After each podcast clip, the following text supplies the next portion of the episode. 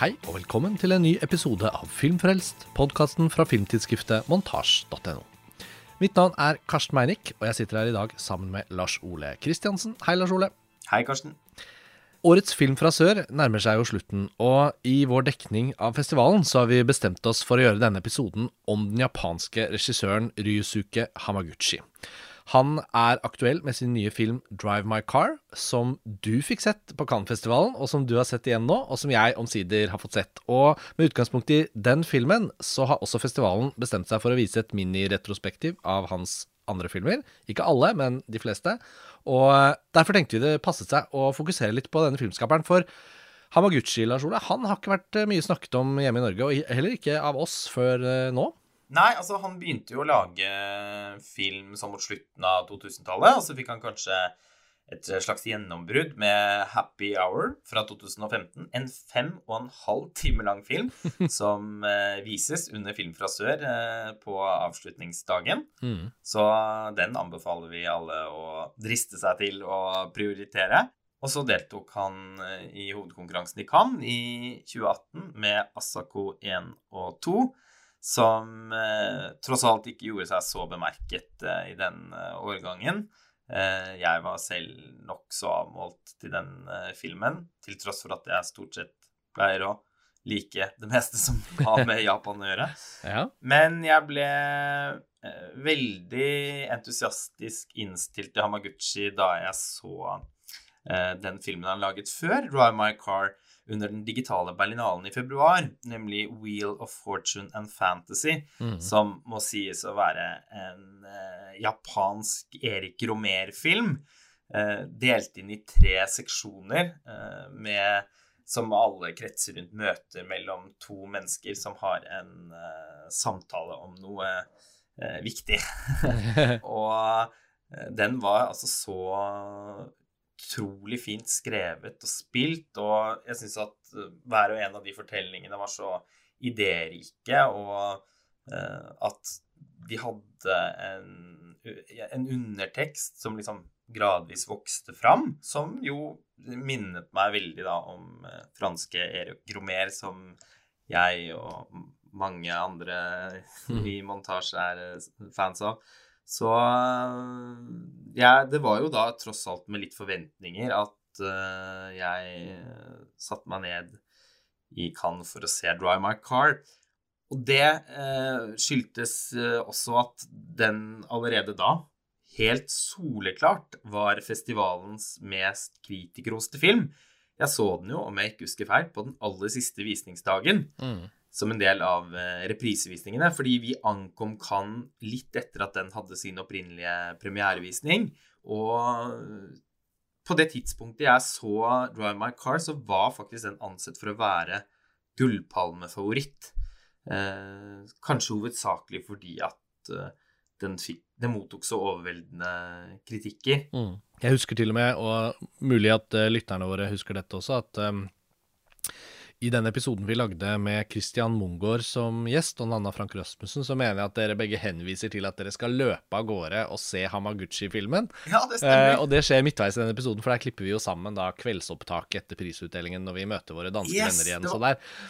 Eh, for eh, veldig detaljorienterte lyttere så husker dere kanskje det. Og filmen du da løp til, det var denne Drive My Car, som vi nå skal snakke litt mer om. Og nå har jeg også omsider fått sett den. og Hamaguchi-bøssen, Lars Ole, den har jo ikke jeg vært helt på ballen med før da i 2021. Og jeg tror jo mange opplever det sånn som deg, at denne double punchen da, med Wheel of Fortune and Fantasy fra Berlin, og så Drive My Car i Cannes, den, den uh, viser jo på en måte at her er det en ny japansk autør som er kommet for å bli.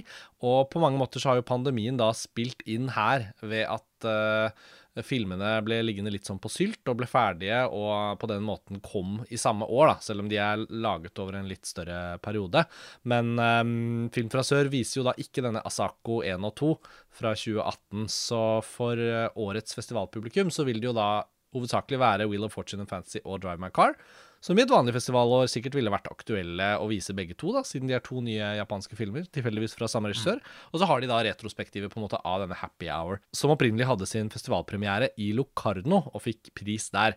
Og denne femtimersfilmen eh, om disse fire venninnene, den, den, er jo på en måte ja, en eh, slags tålmodighetsprøve fordi spilletiden er lang, men det er noe lett og tilgjengelig over måten Hamaguchi lager filmer på, som gjør at på tross av lang spilletid, så føles det ikke som om det er såkalt tunge, lange filmopplevelser. Og det føler jeg Drive My Car også er et ypperlig eksempel på. Vi får jo liksom ta i hovedsak fatt i den, da, Lars Ola, så får vi heller la de andre filmene dryppe litt inn i samtalen. Um, det er jo en adaptasjon også av Haruki Murakamis novelle med samme tittel. Uh, og jeg vet at du også har lest den, så uh, kan du si litt om premisset for, uh, for, Drive My Car, før vi da diskuterer oss videre inn i den? Ja, vi møter en skuespiller og regissør som heter Kafuku, som lever et Eh, lykkelig liv sammen med sin kone, som også er hans kollega. De to er uh, sjelevenner, det får man iallfall inntrykk av, og har et uh, litt sånn spennende og bra sexliv. Og i det hele tatt så er det ingenting som tyder på at det er noe problematisk ved deres samliv. Men det fremkommer da at hun er utro med diverse skuespillere som arbeider på produksjoner som baserer seg på hennes manus. Og Kaffeku oppdager dette eh, kort tid før hun eh, omkommer helt plutselig av hjertestans. Eh, og han bebreider seg selv på en måte for at han ikke turte å bringe det opp i samtale tidsnok. Fordi da tar hun på en måte med seg den fortellingen i graven som han da ikke har tilgang på. Og det gjør jo at han hele tiden vender tilbake til en tankerekke som går ut på hva det var som hun trengte, som han ikke kunne gi. Mm. Fordi eh, det var ingenting som tydet på at hun ønsket noen annen mann i livet enn han. Og så er det jo heller ikke nødvendigvis sånn, men at det var noen andre og spesifikke årsaker til at hun hadde behov for å utforske noe som ikke trengte å gå på bekostning av deres samliv, og som det sikkert da var ønskelig fra hennes side at ikke skulle eh, ødelegge det ekteskapet som, som, det virker som om begge to var eh, veldig glad for at fantes. Mm. De har også gjennomgått en vanskelig situasjon sammen. De har mistet en, en datter som døde i veldig ung, altså da hun var veldig liten. Og da valgte å ikke få noen flere barn sammen, men kanskje egentlig da vokst seg enda tettere sammen som, som, som, par og som kolleger. De har tatt noen livsvalg sammen på bakgrunn av den tragedien. Og i det hele tatt så er det at, det, det at hun bare liksom blir revet vekk på den måten, eh, fører til at hovedpersonen eh, sliter med å komme seg videre i livet, rett og slett. Og så får vi møte han to år senere. Og det er eh, da først etter 40 minutter, med en, egentlig en prolog, at uh, fortekstene til uh, Drive My Car uh, glir over skjermen. Mm. Og da skal Kaffeku dra til en teaterfestival i Hiroshima, der de skal adaptere Anton Tsjekhovs stykke 'Onkel Vanja', og da med en helt spesiell eh, tilnærming, fordi eh, Kafuku jobber da med en eh, slags metode, må man vel kalle det, som går ut på at skuespillerne snakker forskjellige språk. Altså han henter skuespillere fra hele Sørøst-Asia, både fra Korea, fra Taiwan, Kina, og bruker også en skuespiller som er døvstum. Eh, og så blir eh, forestillingen tekstet på eh, et lerret i, i, bakgrunnen på forskjellige språk. Og det, det, her går jo da naturligvis ut på at skuespillerne skal kommunisere på et annet plan mm. enn det språket kan fange. Og her begynner vi jo da å kretse inn på hva som kanskje de, de, viktigste temaene i, i, denne fortellingen. Det er en film om, om sorg.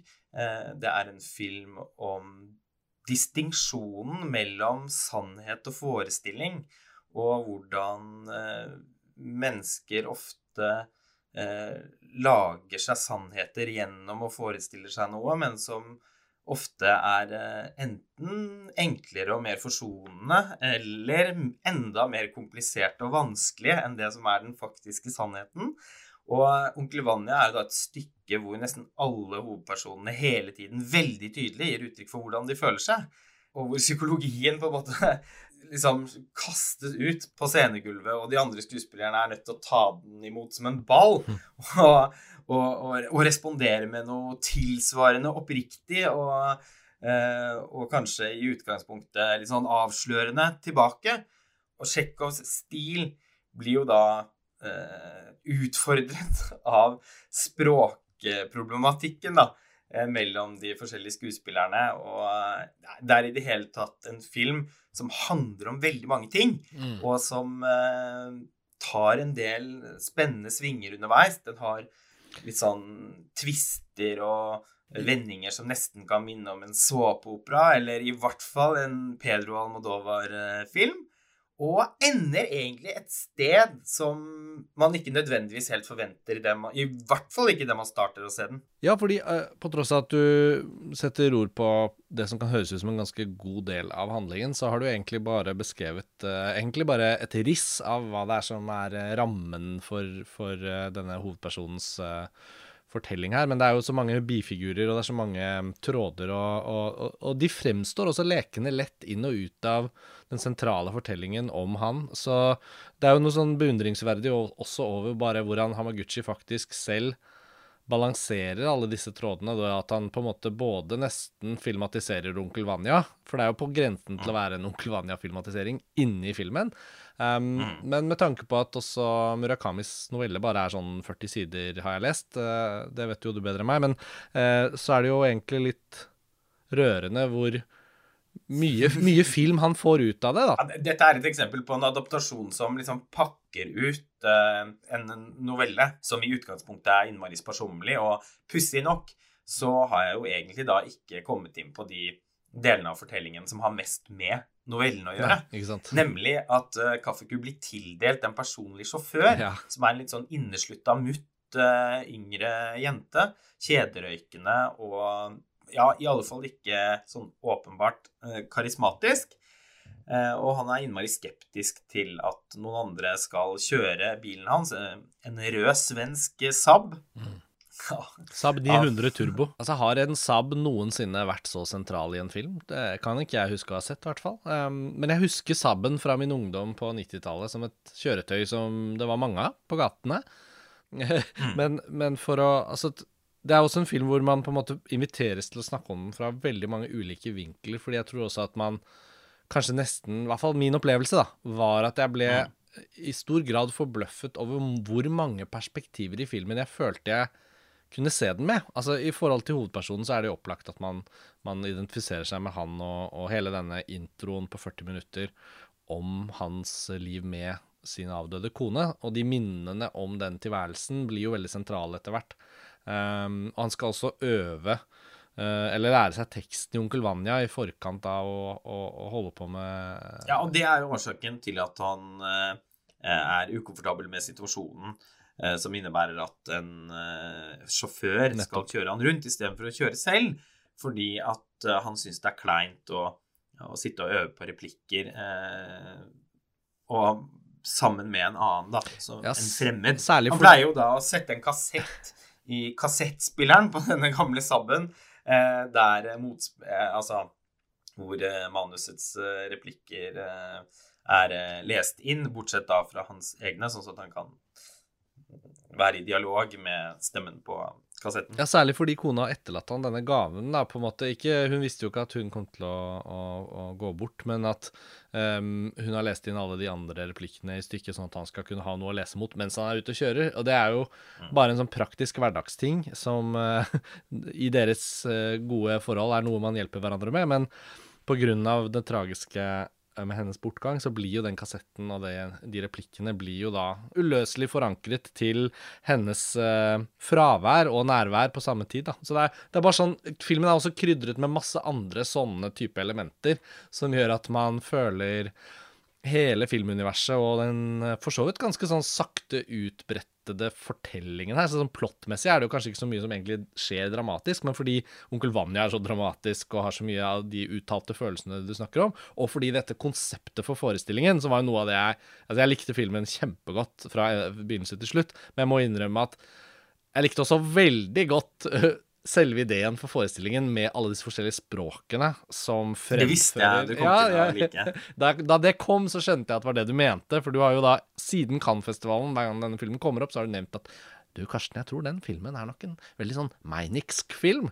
mm. Og med det mener du selvfølgelig at um, noe ved min spesifikke smak kan, kan ende opp med å, å omfavne denne typen ideer og konsepter og elementer og sånn. Og det er jo engang sånn at filmens språk er da litt tilbaketrukket i forhold til hva som utspiller seg i rollefigurenes uh, kunst. Og det syns jeg egentlig kler filmen. Det betyr ikke at det er noe mindre komplisert og vanskelig det Yamaguchi gjør, men det er en sånn, en sånn type film hvor kameraet føles ut som det bare alltid står på rett sted, til det punktet hvor du egentlig glemmer hvor elegante og vakre komposisjoner vi egentlig får lov å se mm. på.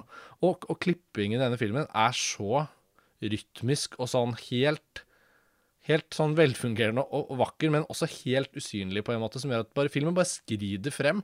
Og det er liksom på en eller annen måte bare helt sånn Det er som en sånn myk uh, det er masse motstand fordi det er masse å tenke på masse å forholde seg til i filmen, men selve filmspråket til Amaguchi er helt sånn Helt sånn at det bare sklider frem en uh, som en stille, glidende elv, hvor man sitter i en kano og bare glir fremover. Det er helt nydelig film, så man blir jo kjempeopptatt av Amaguchi da, etter å ha sett denne, og jeg håper jo det er effekten mange rammes av. Ja, og det, filmspråket du beskriver, da, som er så strengt eh, og så elegant, Eh, at det liksom aldri ønsker å påkalle seg oppmerksomhet i seg selv, eh, det må man nesten være litt sånn Altså, man, man burde klype seg selv eh, litt i armen for å våkne og, og legge merke til hva han gjør. Mm. Fordi i den filmen her er han også tydelig enda modnere som filmskaper enn i f.eks. Happy Hour, da, mm. som tross alt har noen strekk som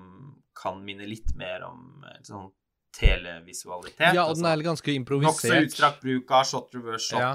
og eh, ikke så spennende bruk av farger og lys og sånn, som, som, det virkelig da er i Drive My Car, mm. selv mm. om det kan eh, fremstå veldig subtilt eh, hvis man ikke har et veldig trent blikk. Ja, men sånn som den scenen hvor han inviteres hjem på middag til denne koreanske produsenten av forestillingen, som da eh, på ytterst høflig maner avslører at han, han han burde kanskje ha nevnt at den døvstumme skuespilleren som var på audition og fikk en rolle i skuespillet, faktisk var hans kone. Altså. Men på japansk vis ville han jo ikke da eh, presse eh, Kufuku til å måtte velge henne. Ja. Nei, men altså bare, Du vet hvilken scene jeg mener, da. Det er jo ikke noe spesielt dramatisk ja, som skjer der engang. Scene. Men det er en sånn scene som fra start til slutt, bare fra hvordan de ankommer dit med bilen, og han insisterer på at hun sjåføren skal være med inn og spise, fra hvordan de sitter ved bordet, fra hvordan ulike ting blir sagt ved det bordet, mm. og til man merker at det er en liten hund som går rundt. Og, og, og, når hun da, som da snakker på tegnspråk, da,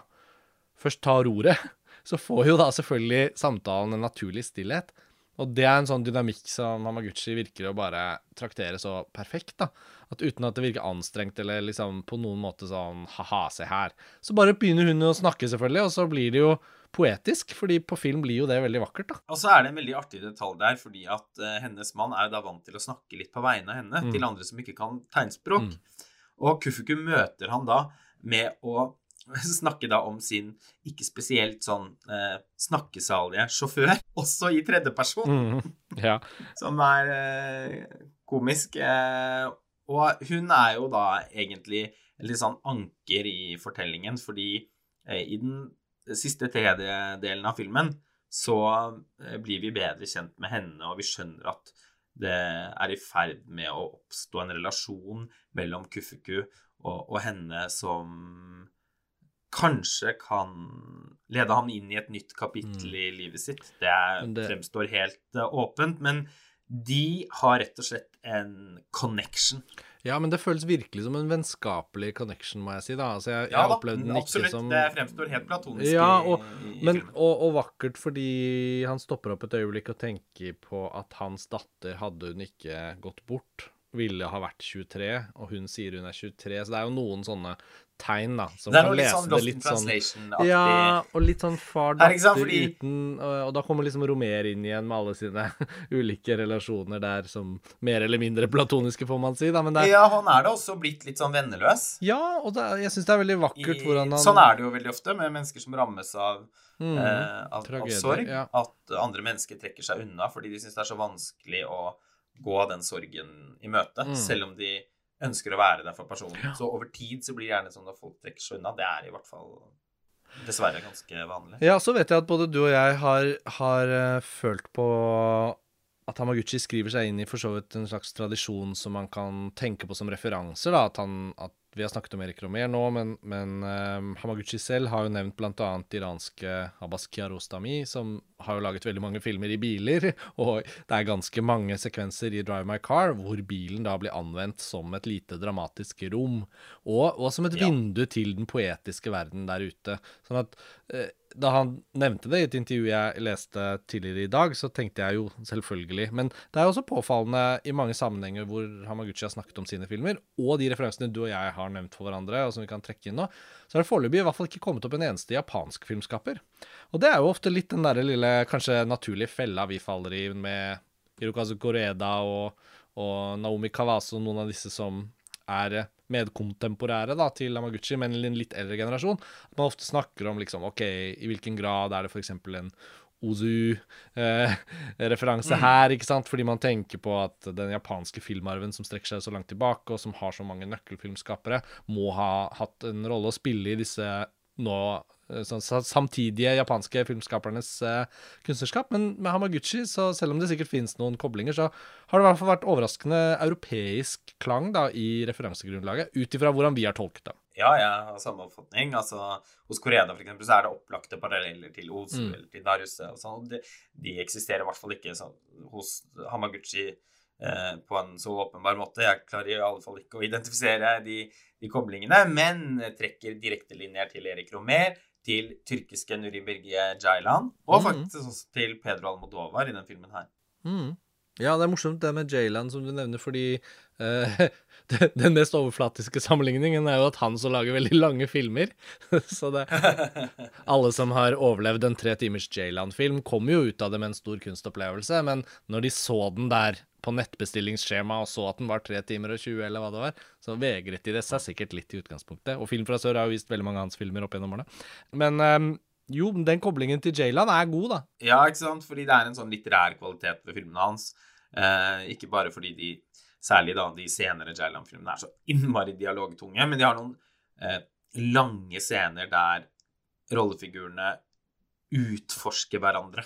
Og liksom eh, tar fram et bor og bare stikker det ned i halsen på den andre for å finne ut av hva som, hva som er der nede. Mm. Ja, og i Jayland-filmene så fins det også en sånn tålmodighet fra hans side til å la oss bli kjent med Altså, han inviterer oss ofte inn i noe veldig spesifikt ved karakterene sine, som vi ofte tilbringer en god stund med, før det kommer andre ting til overflaten som for rollefiguren har vært der hele tiden, men som ikke vi får vite før et eller annet skjer, da. Um, og, og det er også noe som særlig i Drive My Car syns jeg gjør at den blir også spennende å følge dramatisk, da, fordi i ro og mak så får vi vite nok i starten, og så, når det kapitlet litt er sånn fortalt, så fortsetter vi jo, og så bare kommer det andre ting til overflaten. Og, og det er jo litt sånn romaner også fungerer, da, og jeg syns jo det er Det er jo på ingen måte noe ikke-visuelt over å sammenligne en film med en romanlignende kvalitet. Jeg tenker jo at uh, noe som skjer når vi leser gode romaner, er jo at vi tegner opp alle disse bildene, men det handler jo liksom om den der litt sånn langstrukne bli kjent-prosessen med en eller flere rollefigurer, som jeg syns er den romanklangen man kanskje beskriver, da. Det trenger ikke nødvendigvis bety at filmen er tre timer eller mer, men det er klart det hjelper jo i den grad at filmskaperne får mer tid til å brette ut flere og flere karaktertrekk i lengre og lengre scener. Ja, ikke sant. Det blir jo litt sånn som man snakker om at det er enklere å arbeide med karakterutvikling i TV-serier mm. Eh, enn på film. Og jeg er litt opptatt av det jeg mener med at karakterene konfronterer hverandre, fordi her konfronterer de hverandre med et japansk temperament ikke med tyrkisk. det er en veldig stor forskjell mellom Jaylan og Hamaguchi. Det er noe veldig utyrkisk over denne filmen, i hvert fall. Definitivt. I så måte kan det jo virke innmari forskjellig. Men eh, den kanskje viktigste scenen i filmen, den er ti minutter lang, foregår i en bil.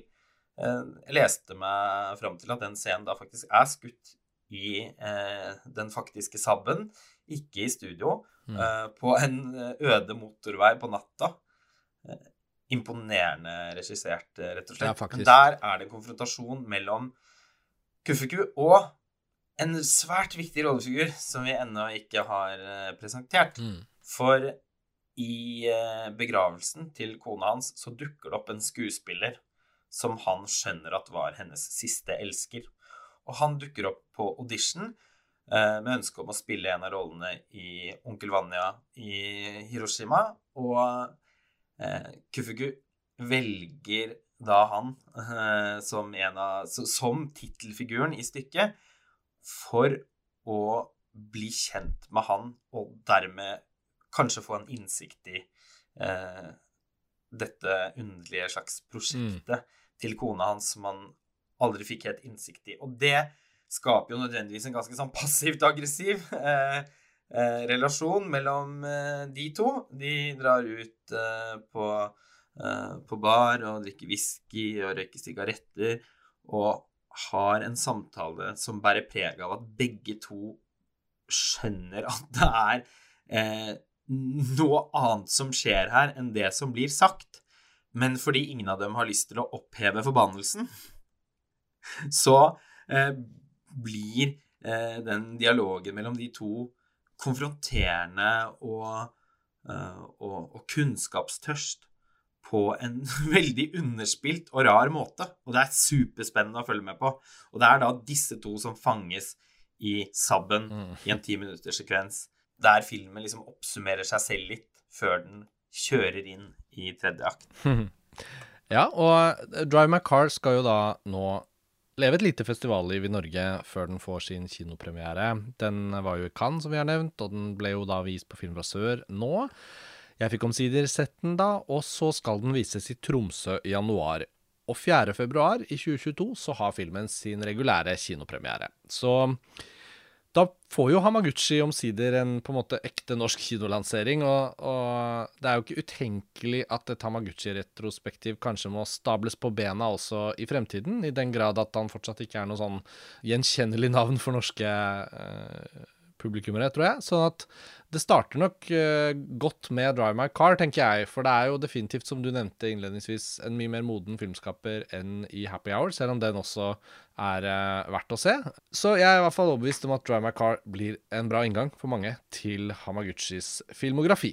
Jeg bare elsker at den faktisk har fått norsk kinodistribusjon. Det er jo da Arthouse som uh, står bak. Og man vet jo, ikke sant, som distributør at en tre timer lang japansk dialogtung film uten noen kjente navn knyttet til seg, ikke kommer til å finne et stort publikum.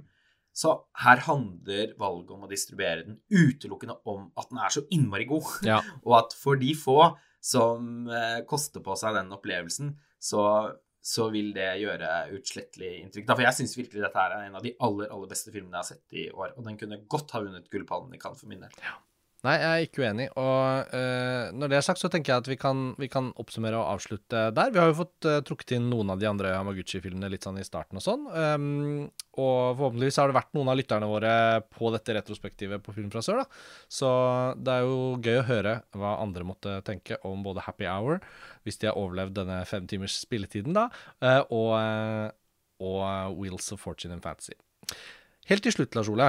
Uh, festivalen har jo selvfølgelig hatt andre filmer enn Hamaguchi-filmene. Uh, jeg vet at i hvert fall én av disse litt drøyere sjangerfilmene som du pleier å oppsøke under Film fra sør, har gjort inntrykk på deg. Vil du fortelle litt om den? Ja, det er en kanadisk filmskaper som heter Rob Jabas, som har laget en film i Taiwan som heter The Sadness, og som er en pandemifilm. Uh, en helt bokstavelig talt handler om et uh, virus som er i ferd med å uh, bre seg utover uh, verden, og som tilsynelatende egentlig bare er en helt vanlig forkjølelse. Men forskerne er da bekymret for virusets mutasjonspotensial, fordi det minner sånn om rabies.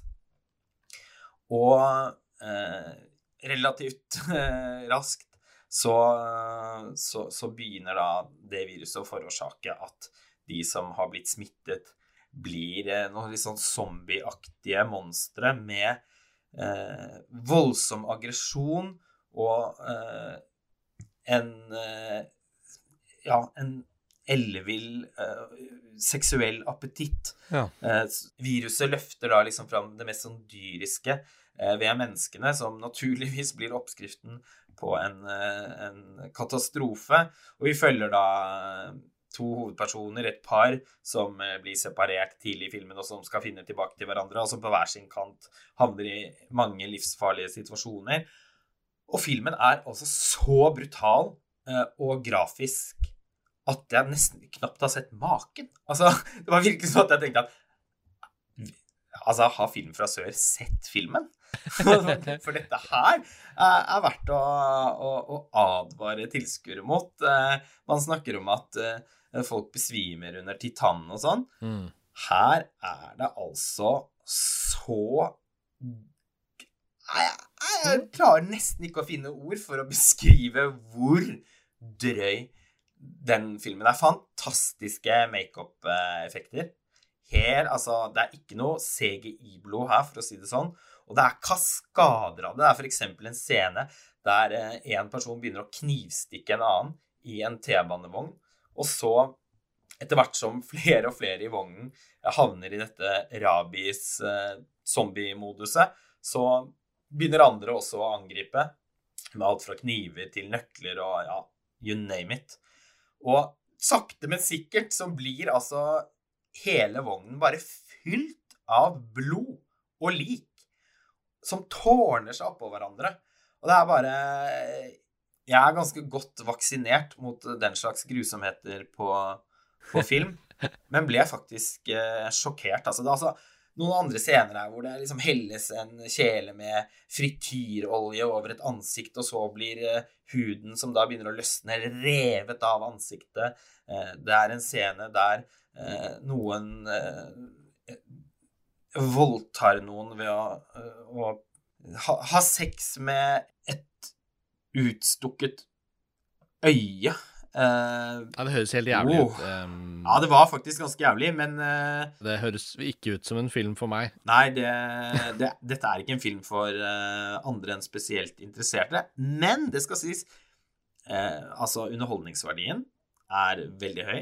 Og selv om den har noen sånn B-aktige eh, sider ved seg som jeg ikke satte så pris på, så er liksom håndverket, rett og slett, da, i eh, spesialeffektene så imponerende. Og, og, filmen har et tempo eh, og en måte å bygge opp spenning på som gjorde at jeg tross alt også var liksom revet med av fortellingen underveis. Så jeg likte egentlig denne filmen veldig godt på sine premisser, ja. men eh, kan ikke anbefale den til noen andre enn de absolutt mest eh, eh, skrekkengasjerte. Skjønner. Notert. Da har vi i hvert fall fått uh, snakket om den filmen. Jeg visste at du hadde lyst til å se den under festivalen, og vi hadde den jo med i vår anbefalingssak uh, før festivalen, der vi ofte trekker inn en film vi, vi ikke har sett. Ja.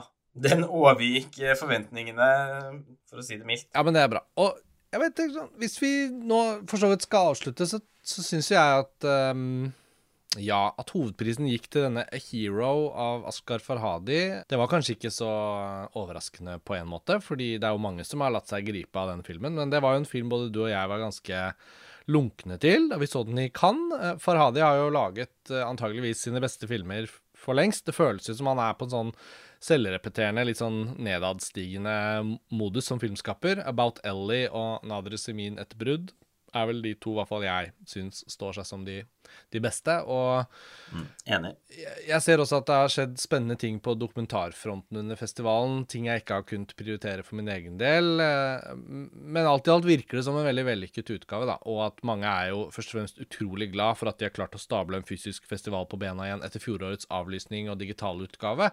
Ikke minst når samfunnet i Norge og resten av Europa er på vei inn i hva blir det, en femte, sjette bølge. Så mm, jeg tror eh, alle skal prise seg lykkelig for at det lot seg gjøre å gjennomføre Film fra sør som en noenlunde vanlig festival. Men Hamaguchi ville jo vært en hedersgjest på årets festival, tror du ikke det? Hvis de hadde kunnet ha gjester fra hele verden. Og en naturlig vinner av hovedprisen. Var det ikke ja. for at også Apechapong Veresetakul eh, var representert med Memoria, som fortsetter å vokse i meg? Det er en film ja. jeg tenker på nesten daglig. Den. Et mesterverk eh, som eh, jeg ikke kan vente med å få sett eh, på nytt. Jeg har nettopp kjøpt eh, en bok han har skrevet om innspillingen, som er en slags dagbok. Eh, rikt illustrert dagbok utgitt på Fireflies Press. Ja, Fireflies Press er jo et sånt utsøkt nytt lite forlag som har veldig mange kule prosjekter på gang. Eh, så det må folk slå opp og, og få med seg. Du skrev nylig om eh, deres utgivelse om Simon Liangs 'Goodbye Dragon Inn' på montasje. Ja. Anbefaler alle å lese den teksten. Og om vi skal avslutte som en slags som biter seg selv i halen eh, Dragon Inn, den eh, filmen fra 1967 som står sentralt på denne kinovisningen i Simon Liangs film, som denne boken av Fireflies Press handler om. Dragon Inn ble vist på Film fra sør i år som en del av en Hongkong-sideprogrammering, eh, hvor de fokuserte på både eldre og nyere Hongkong-filmer. Det er også en, en, kul seksjon som jeg tror mange har fått med seg og hatt glede av. Der hadde jo vi annet sett fra før av, altså Boat People til Ann Hui fra 1982, som jo er en fantastisk eh, sterk film. Så alt i alt uh, en ålreit utgave av Film fra sør som sikkert også ble litt sånn nedtonet av det at ikke de kunne invitere gjester fra resten av verden, men som alle var veldig lettet over at kunne gå som normalt i kinosalene, fylt opp med hovedstadens filminteresserte. Så Lars Ole, med det så tenker jeg vi kan avslutte årets festivalepisode med Hamaguchi-fokus, og så returnerer vi nå utover i slutten av november og desember med en del andre episoder før det nærmer seg jul. Yes. Så da tenker jeg vi bare kan si ha det bra, og så høres vi igjen veldig snart. Takk for nå. Takk for nå.